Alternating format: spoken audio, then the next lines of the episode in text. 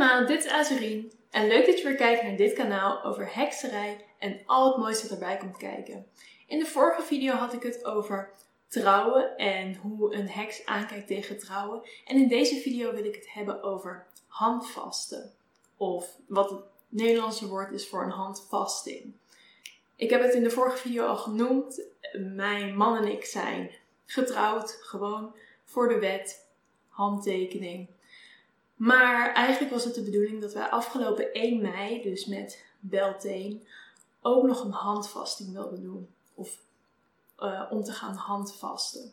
En de reden daarvoor was dat ik het heel belangrijk vond om los van voor um, de wet te trouwen, er ook een spiritueel tintje aan te geven. Het voelde voor mij het was een mooie ceremonie die we hadden, maar er, voor mij als heks vond ik het ook heel belangrijk om op een rituele en ceremoniële manier aan te geven aan het universum of de goden. Uh, om te laten zien, mijn partner en ik horen bij elkaar en wij, wij willen onszelf op een hoger niveau verbinden. Vandaar de handvasting. Ik wil in deze video uit gaan leggen wat de elementen zijn die komen kijken bij een handvasting, hoe die van ons eruit had gezien en een beetje hier en daar babbelen over ja, hoe je dat een beetje aan kunt passen naar je eigen smaak als je dat zou willen. Een paar dingen over een handvasting. Een handvasting is ehm, eigenlijk een beetje het pre-christelijke gebruik van het verbinden van twee mensen aan elkaar. En dat doe je door middel van de twee, of het ene koppel, dus twee personen, die aan elkaar symbolisch worden gebonden met linten. En die linten draag je voor een bepaalde tijd en die linten vormen een symbolische bond tussen die twee mensen. Het werd sowieso uh, bij de oude Kelten gedaan. En volgens mij zijn er ook aanwijzingen dat het op deze manier bij in de Noorse, Noordse landen zo werd uitgevoerd. Maar dat, het is voornamelijk iets, iets Keltisch. En misschien is dat omdat de vikingen het vanuit het noorden meebrachten naar Engeland. En het van daaruit een heel gebruik is geworden. Dus ik zie handvast als een hele, als een heel mooi spiritueel oud alternatief voor het, het, standaard huwelijk zoals we dat zien in de kerk. Ook toen ik ging trouwen of zou gaan trouwen, kreeg ik heel vaak de vraag: wil je in de kerk trouwen? Dat is dan een, dat is een, een ding. Maar net als met in de kerk trouwen is een handvasting in de eerste instantie niet wettig, wettelijk. Dus als je gaat handvasten of je gaat in de kerk trouwen, moet je dat altijd nog of achteraf in, of daarvoor in een gemeentehuis doen. Om, om het echt te laten, het huwelijk echt te laten erkennen. Maar je kunt er ook voor kiezen om degene die de ceremonie uitvoert te autoriseren om het huwelijk te voltooien, volbrengen, uit te voeren. Kost 200 euro extra. Dus uh, je betaalt waarschijnlijk iemand die de ceremonie voor jou uitvoert. Maar je kunt ook je zus vragen. Of een broer, een oom, een tante. Maar die moet, jou, die moet jij, uh, als je dit wettig wil laten vastleggen, moet je die 200 euro aan de staat betalen om, om hem, diegene te autoriseren. Veel, veel informatie. En een handvasting kan ook een heel mooi Ehm, niet per se alternatief zijn voor een huwelijk, maar een soort precursor voor trouwen voor de staat. Ja, of als je gewoon niet de, het verlangen hebt om te trouwen, maar wel het verlangen hebt om een vorm van ceremonie te houden, om aan de wereld te laten weten als je het al met andere mensen laat doen, of aan de hogere machten om te laten weten: ik en mijn partner horen bij elkaar en wij willen die verbinding graag ja, kenbaar maken of ja, je wil er wat mee doen. ook voor mij voelt het heel sterk omdat wij destijds heel klein getrouwd waren, dat ik, ik wilde het iets, iets groter vieren en met meer oude gebruiken en veel meer invulling vanuit mij. Want naar het gemeentehuis gaan, je, je, je kunt een aantal dingen zelf een beetje bepalen, maar over het algemeen is het kleine aangelegenheid van een half uur. Dus vandaar dat ik een handvasting wilde doen. En ik, ik vind een handvasting dus een heel mooi gebruik dat ik al heel, heel lang, sinds ik er het bestaan ervan ken, wilde gaan doen. Ik denk dat het leuk is om nu te gaan vertellen hoe onze handvasting eruit had gezien als die was doorgegaan. En ik vind het ook heel jammer dat ik jullie dus niet met beeldmateriaal en ervaring kan voorzien. Dus ik kan alleen maar dromen over hoe het had kunnen zijn. En op dit moment is, zijn we ook niet. We hebben geen nieuwe datum voor een handvasting. Ik zeg niet dat die nooit meer gaat gebeuren. Eh, we hebben het gewoon heel even op een lager pitje laten zetten. Oké. Hoe wij het hadden gedaan is, wij hebben op internet iemand gezocht die een die handvasten aanbiedt. En zij is een heks, dat ik heel belangrijk vond. Dus je kunt het nogmaals door iedereen laten doen, maar het stukje dat zij een heks was en daarmee die link met hekserij erin kon betrekken, vond ik heel belangrijk en heel fijn. Zij is ook een hoge priesteres. Nogmaals, ook niet essentieel om de ceremonie uit te laten voeren, maar voor mij ook heel belangrijk, want voor mij is een, geeft een hoge priesteres aan dat ze wel kennis heeft van het gilde en dat vind ik heel fijn. En dit zijn de elementen waar je uit kunt kiezen. Um, zij zou de cirkel trekken en ik kon ervoor kiezen om die cirkel met haar te trekken, of in ieder geval ja, volgens mij dat, dat ik dan ook al aanwezig zou zijn in de cirkel. Maar omdat ik heel graag met mijn partner aan wilde lopen, had ik liever dat zij van tevoren de hele cirkel al voorbereiden. Maar je zou het ook kunnen doen dat de. Ik bedoel echt van tevoren nog voor de gasten er zijn. Dus zij staat al klaar en de cirkel is al gecreëerd. Maar je kunt het ook doen met alle gasten erbij. Je kunt het ook doen als koppel, dus dat je um, eigenlijk met z'n drieën de, cirkel creëert. Je kunt ervoor kiezen hoe je die cirkel afbakent. Het is wel aan te raden om die cirkel af te bakenen, want ik kan me voorstellen dat gasten die er niet helemaal van weten hoe dit in zijn werk gaat, dat ze niet zo snel over een afgebakende lijn gaan lopen, maar wel over een uh, denkbeeldige lijn. Um, we hadden bedacht om die af te bakenen met van die uh, grote stukken rozenkwarts of bergkristal. Dus dat je zo'n cirkel hebt. Op de vier windrichtingen stonden dan deze vier kaarsen. Dus we hebben geel voor lucht, rood voor vuur, groen voor aarde en blauw voor water. En ik had ook vier bruidsmeisjes. En mijn vier bruidsmeisjes symboliseerden elk een element. En zij konden dan plaatsnemen bij hun respectievelijke element. En hun rol ga ik later uitleggen. En we konden ook aangeven of we bepaalde elementen of symbolen of zaken of kleuren op het altaar dat in het midden van de cirkel stond ehm, neer te zetten of te laten afbeelden. En ook of er een speciale god of godin was die ik graag aanwezig had willen laten zijn. Op dat moment was ik nog niet bekend met mijn beschermgodin Freya. Um, had ik dat toen geweten, had ik bijvoorbeeld haar heel graag erbij gehad. Maar ik heb toen um, de, ik noem haar overigens de ceremonieheks. Um, ze heeft het goed gekeurd, maar het was een beetje een makkelijke manier om tegen anderen te zeggen: eh, de ceremonieheks doet dit of dat. Of het was de heks die de ceremonie leidde, dus ik noemde haar ceremonieheks. Maar dat is niet de officiële term hiervoor. Dus, um, maar ik ga het voor de rest van de video wel zo noemen.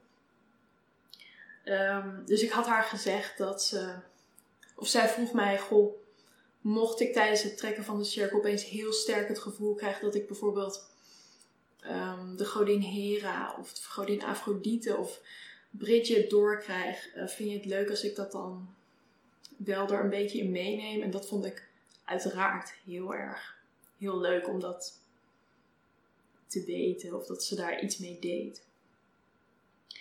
Vervolgens zou de ceremonieheks een, een, een speech geven. Ehm, ik weet niet wat zij had gezegd, omdat ik. Uh, dat hebben we ook niet doorgenomen. Dat was ook niet de bedoeling dat wij dat zouden weten. Maar waarschijnlijk zou zij daar het zegje hebben gedaan over wat handvasten is voor de gasten die niet zo bekend zijn met het concept. Waarom het belangrijk is dat twee mensen um, verbonden zijn. Vaak kun je ook kiezen of je bij een handvasting jezelf voor een korte periode, en dat is vaak voor een dag en een jaar, of een jaar en een dag, voor de rest van je leven, dus tot de dood u scheidt, of voor, voor eeuwig, dus echt ook na dit leven. Vaak zijn dat een beetje de drie opties waar je uit kunt kiezen voor de tijd waarin je elkaar wil verbinden. En volgens mij hadden wij voor, voor dit leven of zo aan elkaar verbonden. Of zo, en dat, dat zal dan waarschijnlijk in die speech verwerkt zijn. Dan komt het moment dat ik en mijn man ehm, de handen over elkaar heen leggen. Volgens mij klopt dat zo. En komt zij de linten die wij van tevoren hebben uitgezocht om ons heen binden. En leg daar zeven knopen in. En die knopen staan voor verschillende aspecten die, die zij op dat moment had voorbereid. Maar wij konden er ook voor kiezen om een aantal knopen te laten leggen door familieleden. Dus je zou kunnen zeggen: Ik wil dat er een knoop gelegd wordt door mijn moeder, zijn moeder, mijn vader, zijn vader, wij hebben dat niet gedaan omdat mijn schoonvader al was overleden. Ik vier ouders heb door, door hertrouwen en nieuwe relaties. En we vonden het allemaal een beetje ingewikkeld. Dus wij lieten het door de ceremonieheks doen. Ik heb het ook nog overwogen om het door mijn bruidsmeisjes te laten doen. Maar uiteindelijk hebben we bedacht dat zij het als enige zou doen. De linten. Ik heb hier de linten die wij hadden uitgekozen. En ik wil jullie eigenlijk vertellen waar elke kleur voor stond. Is volgens mij echt helemaal niet essentieel, maar het is wel essentieel dat je zelf met je partner de linten uit gaat zoeken. Hoewel je natuurlijk ook daar kunt zeggen: uh, ik laat dat familielid een, lint uitzoeken, ik laat dat familielid een lint uitzoeken. Maar wij hebben het met z'n tweeën gedaan. Ik had hier een witte kanten lint.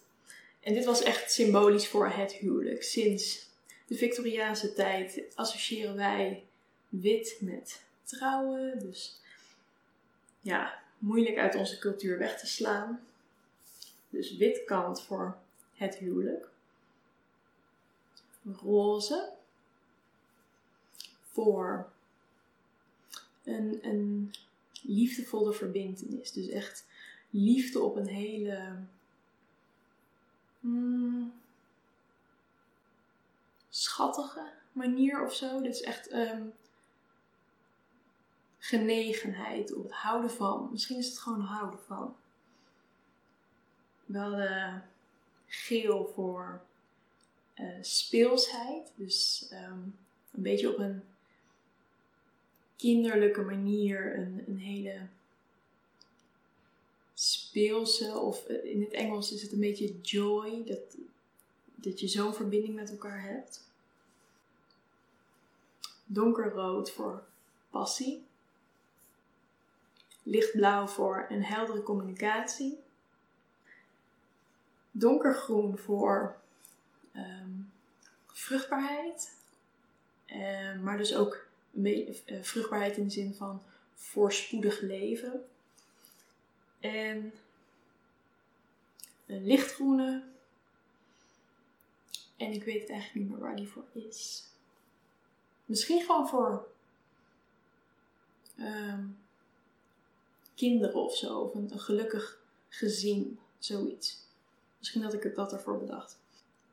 Ik ga nog even benadrukken. Ik vind het altijd heel belangrijk om kleurenassociaties erbij te betrekken, maar dat is niet, echt totaal niet essentieel. Je zou ook ehm, bepaalde patronen erin kunnen verwerken. Maar het is wel, ik vond het wel heel leuk om elke lint een specifieke kenmerk te geven of iets dergelijks. Vervolgens ben je aan elkaar gebonden en spreek je naar elkaar de gelofte uit. Dus wij hadden voor elkaar um, gelofte bedacht en tijdens het binden van je gebonden handen spreek je die naar elkaar uit. En dat is dus ja, het moment dat je je,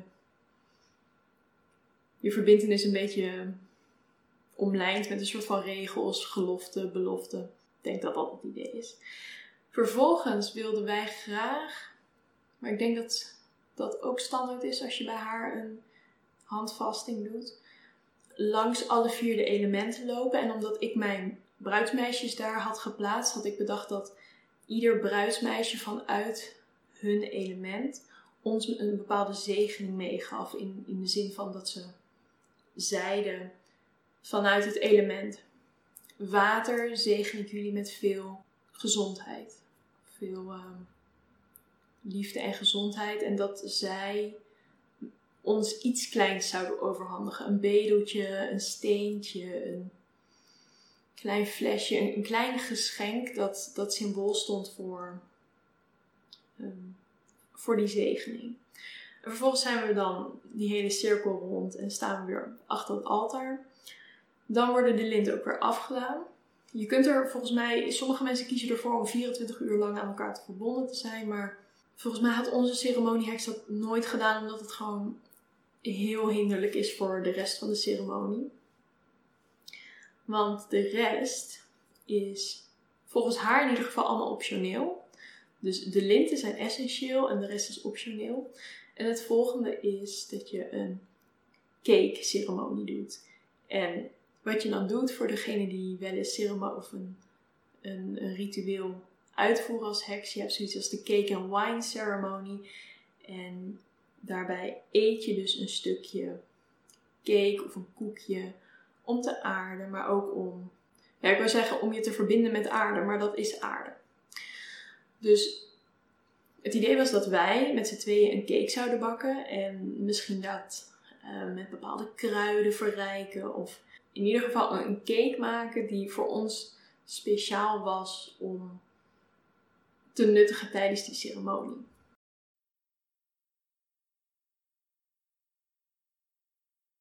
Volgende is de wine ceremony. En dat is de ceremonie waarbij je een atame hebt en een kelk. Die kelk zit, nou ik wilde er mede in, maar volgens mij kun je er van alles in doen wat je zou, zou willen. En de ceremonie is dat je de atame in de kelk steekt en daarmee dus de vrouwelijke energie van de kelk met de mannelijke energie van de atame verbindt. Dus dat is een voor mij voelt dat een beetje als een voltooiing van het ritueel dat ik uitvoer of een spreuk die ik uitvoerde. Zo werkt dat dus ook in een handvasting. En we konden ook kiezen voor een bezemceremonie. Hebben wij niet gedaan, maar een bezemceremonie leg je de bezem uh, neer en spring je als nieuw ge, gevast koppel over die bezem heen. En dat is gewoon een symbool voor vruchtbaarheid, om het nieuwe koppel veel kindjes en geluk, veel geld te, te wensen, veel voorspoed. En volgens mij was dat dan het. Dus op dat moment konden wij de cirkel verlaten, konden de bruidsmeisjes de cirkel verlaten en zou de ceremonieheks de cirkel weer opheffen. Ik wil het ook nog heel even hebben. Ik weet niet hoe relevant het is, maar ik ga het er toch over hebben. Ehm, de datum wanneer doe je een handvasting. En wat mij betreft doe je uh, het uiteraard wanneer je wilt. Wij zijn voor de wet getrouwd op 27 november, waar wij geen enkele verbindenis aan hebben. We hebben geen um, bond met die datum. Maar wij zouden gaan handvasten op 1 mei. En op 1 mei is ons uh, jubileum. Wij waren op de heuvel in Edinburgh wel Theen aan het vieren, want dat wordt daar jaarlijks gevierd. Toen ehm, hij mij vroeg of ik een relatie met hem wilde. Dus dit is, het was een heel belangrijke datum voor mij. En vooral voor mij, omdat ik als, als heks zijn dit soort ehm, data hele grote mijlpalen. Maar uiteraard kun je ook zeggen. Nou, niet iedereen heeft natuurlijk een jubileum op 1 mei. Dus je kunt het ook op je eigen jubileum doen. Of een andere sabbat. Of een sabbat die heel belangrijk voor jou is. Er zijn namelijk ook tradities die zeggen dat het heel erg ongelukkig is om op 1 mei te handvasten. Maar ja, daar eh, heb ik me niks van aangetrokken. En I wouldn't know, want het is niet doorgegaan. Hmm. Misschien was het wel doorgegaan als het niet op 1 mei was geweest. Misschien is 1 mei toch een ongeluksdag. Anyway. Wat is het leuke van een handvasting? Trouwen voor de wet betekent dat je maar met één persoon tegelijk mag trouwen. Een handvasting niet. Dus als jij polyamoreus bent of polygaam, want je bent niet gaam, want je bent niet getrouwd, dan zou je bijvoorbeeld een handvasting kunnen doen met je meerdere partners. Je kunt het ook heel makkelijk weer verbreken. Sommige mensen doen eigenlijk een soort vanzelfde um, handsluitingsritueel. Dus dat je als je besluit dit, deze verbindenis werkt niet meer, maar wij gaan wel gewoon als gelijken uit elkaar en als, als goede vrienden uit elkaar, dan kun je er ook voor kiezen om via een, ritueel ehm, de handvasting te ontbinden. Maar bij een handvasting hoef je daar dus niet voor naar de rechter. Dus je, je kunt het makkelijker ontbinden. Willen we het ook nog hebben over wie, wie Uiteraard nodig je uit wie je eruit wil nodigen. Je zou het ook gewoon met z'n tweeën kunnen doen. Alleen niet als je het via de wet wil laten gelden, want dan moet je minstens twee tot vier getuigen aanwezig hebben. Maar los van de, de ruimte die er is, want bij onze, bij onze ceremonie zitten de gasten uh, ook allemaal in een cirkel om ons heen. Dus als je drie rijen ver nog gasten hebt, dan gaan ze het na een tijdje niet meer goed kunnen zien. Dus dat is iets om rekening mee te houden, maar er is echt niet een bepaald getal waar je rekening mee zou moeten houden. Tenzij er een heel erg mooi getal is of een heel numerologisch getal dat je graag in acht wil nemen, maar er is niet een limiet of minimaal. Een minimale hoeveelheid mensen die aanwezig moeten zijn. Ja, ik heb het ook niet gehad over muziek. Als je bij het gemeentehuis gaat trouwen, moet je altijd. Tenminste, moesten wij drie eh, liedjes aanleveren. Onze ceremonieheks zei dat, dat dat kan. Dat kon wel ingebouwd worden, maar dat de meeste mensen helemaal niet kiezen voor muziek. Maar dat is geen reden om aan te nemen dat dat niet mag. Dus speel alsjeblieft je mooiste liedje dat je, ja, dat je samen hebt. Ik denk dat het ook wel heel interessant is om te zeggen: ehm, ik ben een heks. En voor mij was de handvasting heel belangrijk. Mijn man is geen heks, maar voor hem was het belangrijk dat ik dit kon doen. Je hoeft helemaal. Ik, echt ja, sorry dat ik dit op het laatst zeg, maar je hoeft geen heks te zijn om een handvasting te kunnen doen. Je kunt als elk. Ja, ook, ook al erken je geen religie voor jezelf of geen enkele spirituele stijl, leefstijl, kun je altijd een handvasting doen. Het, het is een ceremonie en het is niet wettig. En daardoor is het een stuk vrijer. Dus de, de beloften die je naar elkaar maakt zijn ook, ja, die maak je zelf. Je maakt niet uh, een bepaalde set aan geloftes.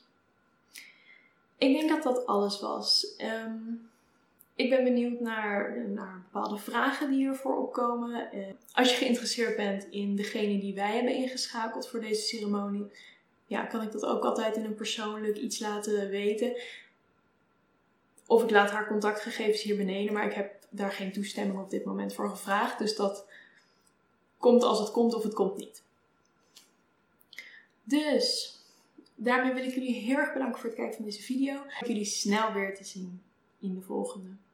Oké, doei!